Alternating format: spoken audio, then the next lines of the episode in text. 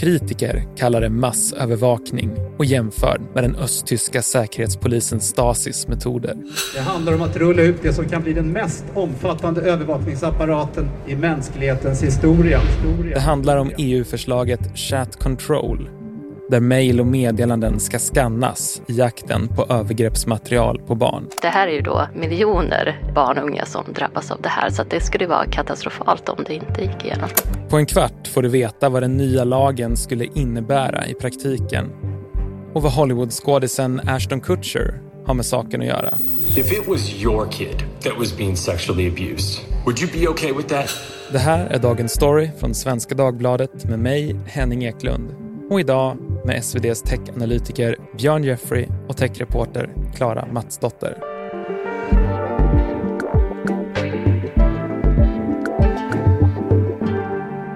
Björn, Klara, vi ska prata om EU-lagstiftning idag. Woho! Visst är det ett favoritämne?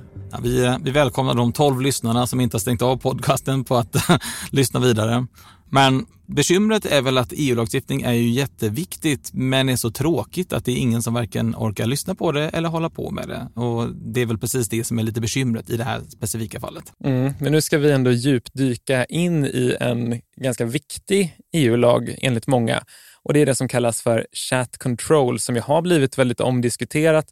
Och det ska vi återkomma till lite senare, men först kanske vi måste börja förklara vad är det här för någonting? Klara? Ja, men det här är ett förslag på en EU-förordning som egentligen heter Förordning för att bekämpa sexuella övergrepp mot barn. Och Det är alltså det den riktar sig mot. Alltså den vill att man ska minska övergreppsmaterial som sprids på internet.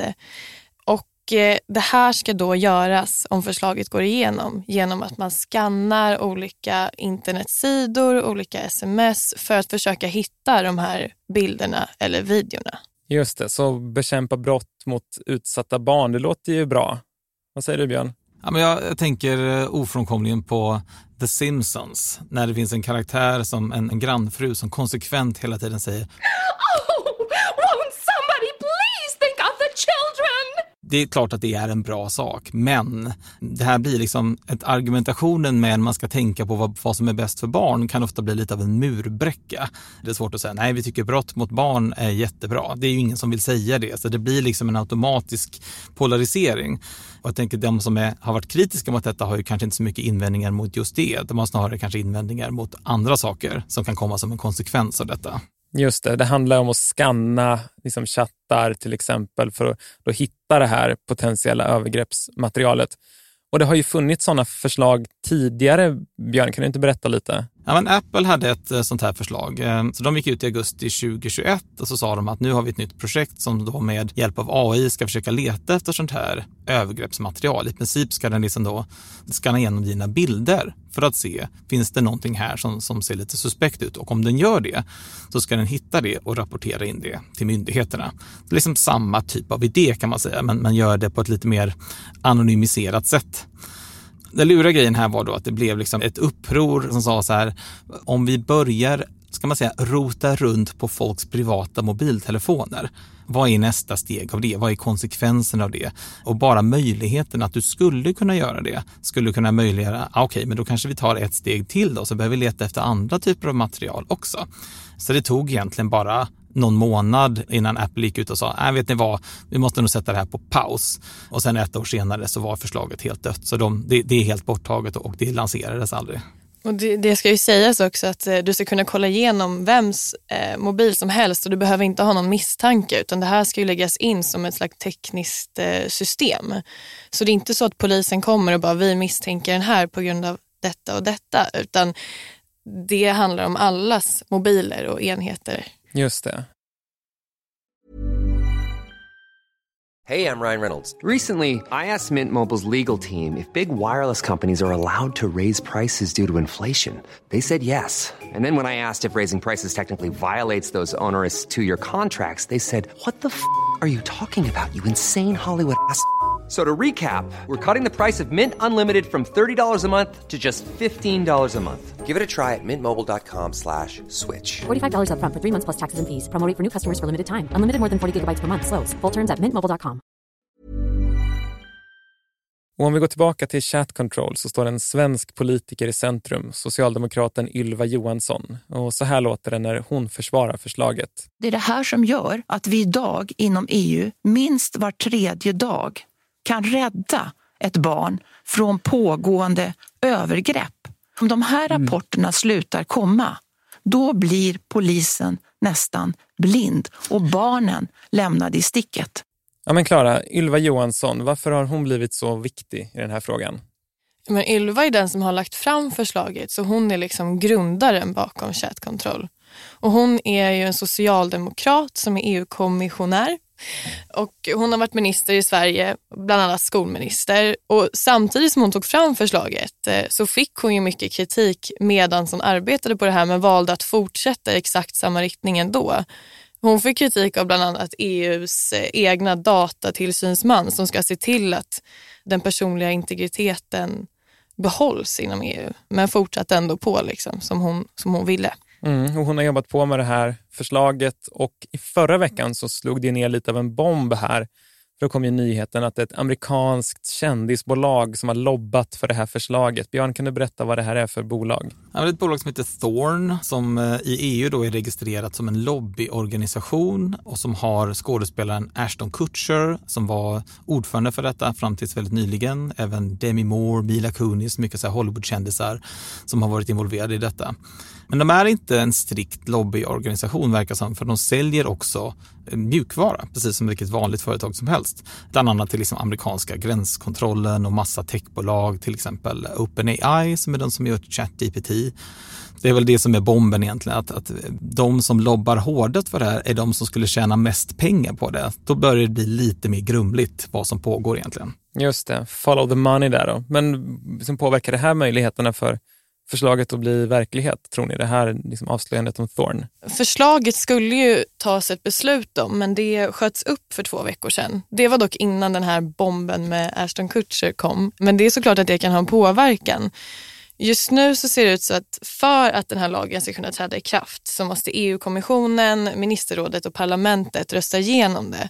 Men ordförandelandet som är Spanien just nu, de har dragit tillbaka den här punkten just nu Troligen för att de ska omarbeta den här förordningen. Troligen för att den har fått så mycket kritik. Men det är inget officiellt varför den har dragits in. Och, eh, när vi pratade med Gunnar Strömmer som är justitieminister så tror han att det inte kommer dröja lång tid tills eh, förslaget ligger på bordet igen. Mm, just det, och för att det här förslaget ska bli verklighet, liksom, vilka av stegen är det som fortfarande är kvar? Ja, det är att eh, alla stora EU-myndigheter måste rösta in det här och det vi väntar på nu är hur Sveriges regering ska ställa sig i frågan.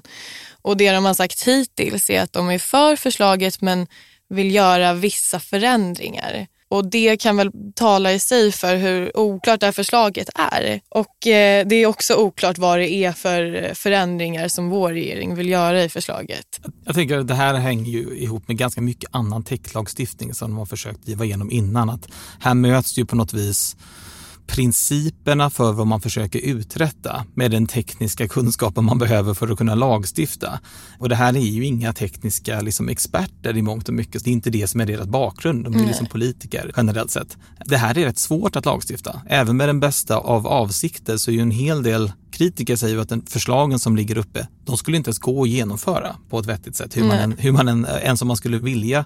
Eh, så det är väl den typen av saker som spelar in också. EU har inte ett jättebra track record av att liksom lagstifta den här typen av teknikfrågor på ett sätt som funkar i mm. praktiken. Mm.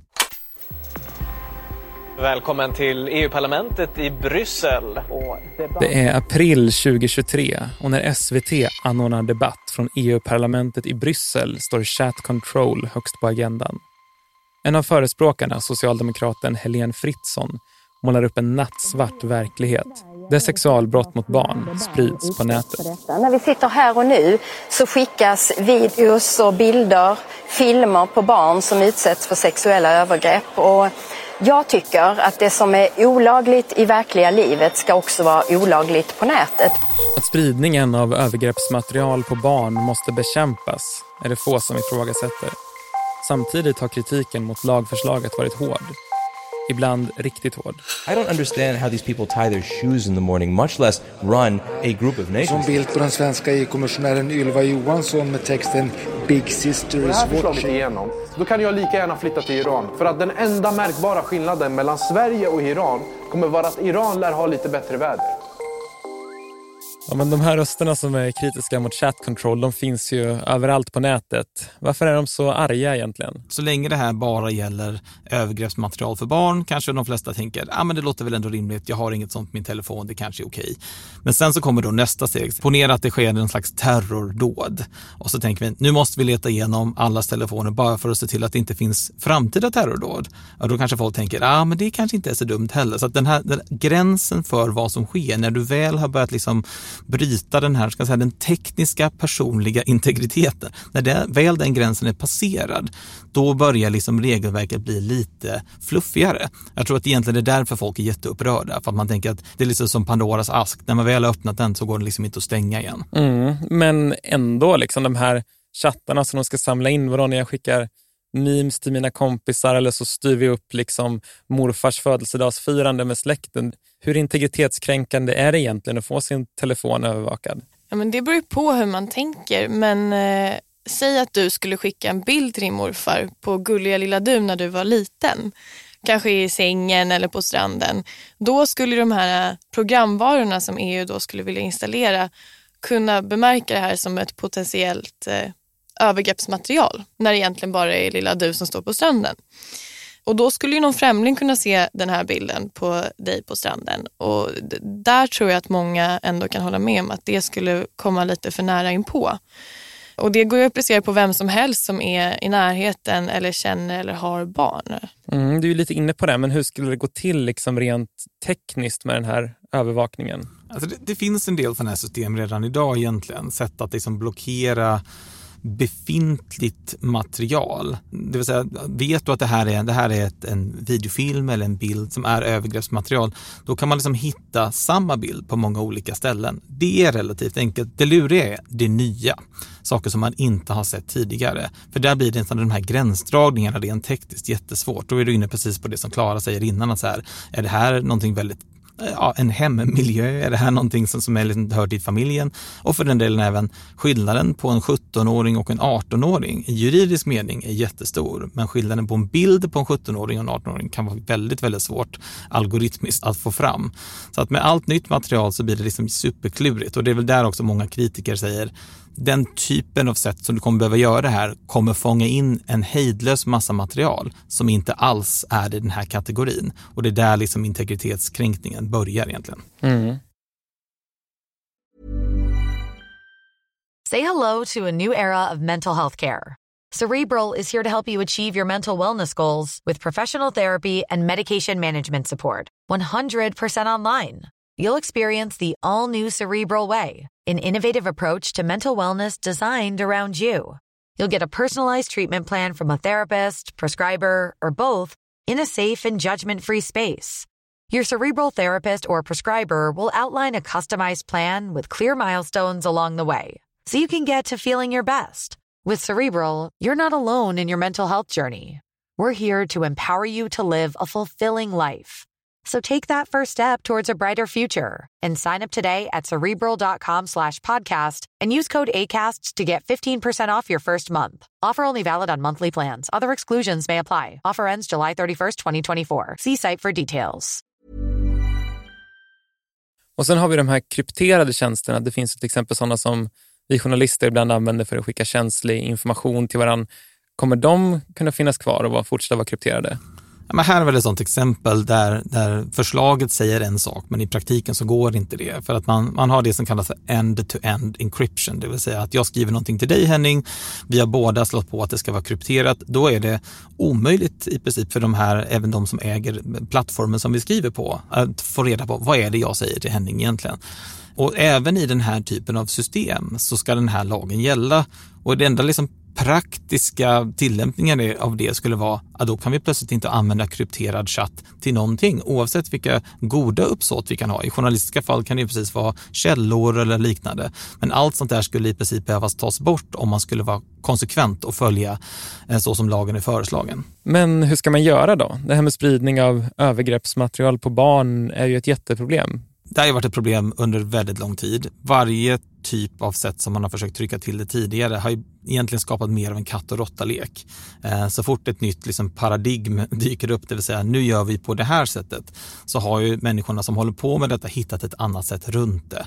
Egentligen ligger det ett ganska stort ansvar på, på de tekniska plattformarna att försöka hitta vad är sätt som vi kan komma åt det här utan att det blir för brett. Och det kommer ju inte vara hundraprocentigt, man kommer inte kunna fånga allting, men sannolikt kan du fånga ganska mycket material utan att du i så fall skulle behöva gå igenom ja, alla meddelanden som skickas eller alla bilder som sparas. Så det är väl den balansgången. Alltså lagen är väl tänkt att försöka accelerera det, men jag tror att i praktiken så kanske det bara skulle skapa ett stort integritetsproblem. Men det riktiga problemet som man vill lösa, det vill säga minska spridningen av övergreppsmaterial, de skulle antagligen bara flytta vidare till en annan plats ändå. Men vad säger experterna då? Kommer chat control faktiskt hjälpa och motverka övergrepp mot barn? De flesta verkar ju inte tro det. Det var ett öppet brev som skickades i somras till EU på av ungefär 300 IT-experter och forskare från olika länder över hela världen där är, de är liksom kritiskt emot det här. Jag fattar, det låter stökigt detta. Hur tror ni? Hur eh, kommer det fortsätta nu när vi blickar framåt lite? Jag vet inte, vi får väl se den här månaden om något som händer men vi har ju sett bland annat att Ylva Johansson har spridits massa video på när hon sitter och stickar där i EU.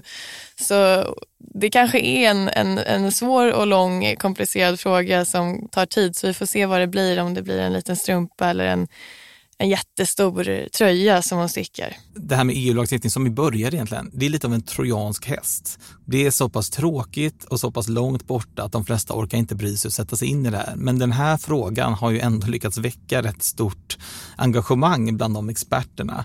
De nästan enhälligt säger ju att den här chat control-lagen kommer ställa till mycket stora problem och kommer inte att lösa problemet i sig själv. Så att trots tråkigheten så finns det ändå en ganska stark opinion som, som är kritisk. Jag skulle tro att man kommer behöva ta hem den på kammaren och skriva om det på något annat sätt om man får unna sig en gissning. Ja, det ska bli spännande att följa detta. Tack så mycket för att ni kom hit, Björn och Klara. Tack. Tack.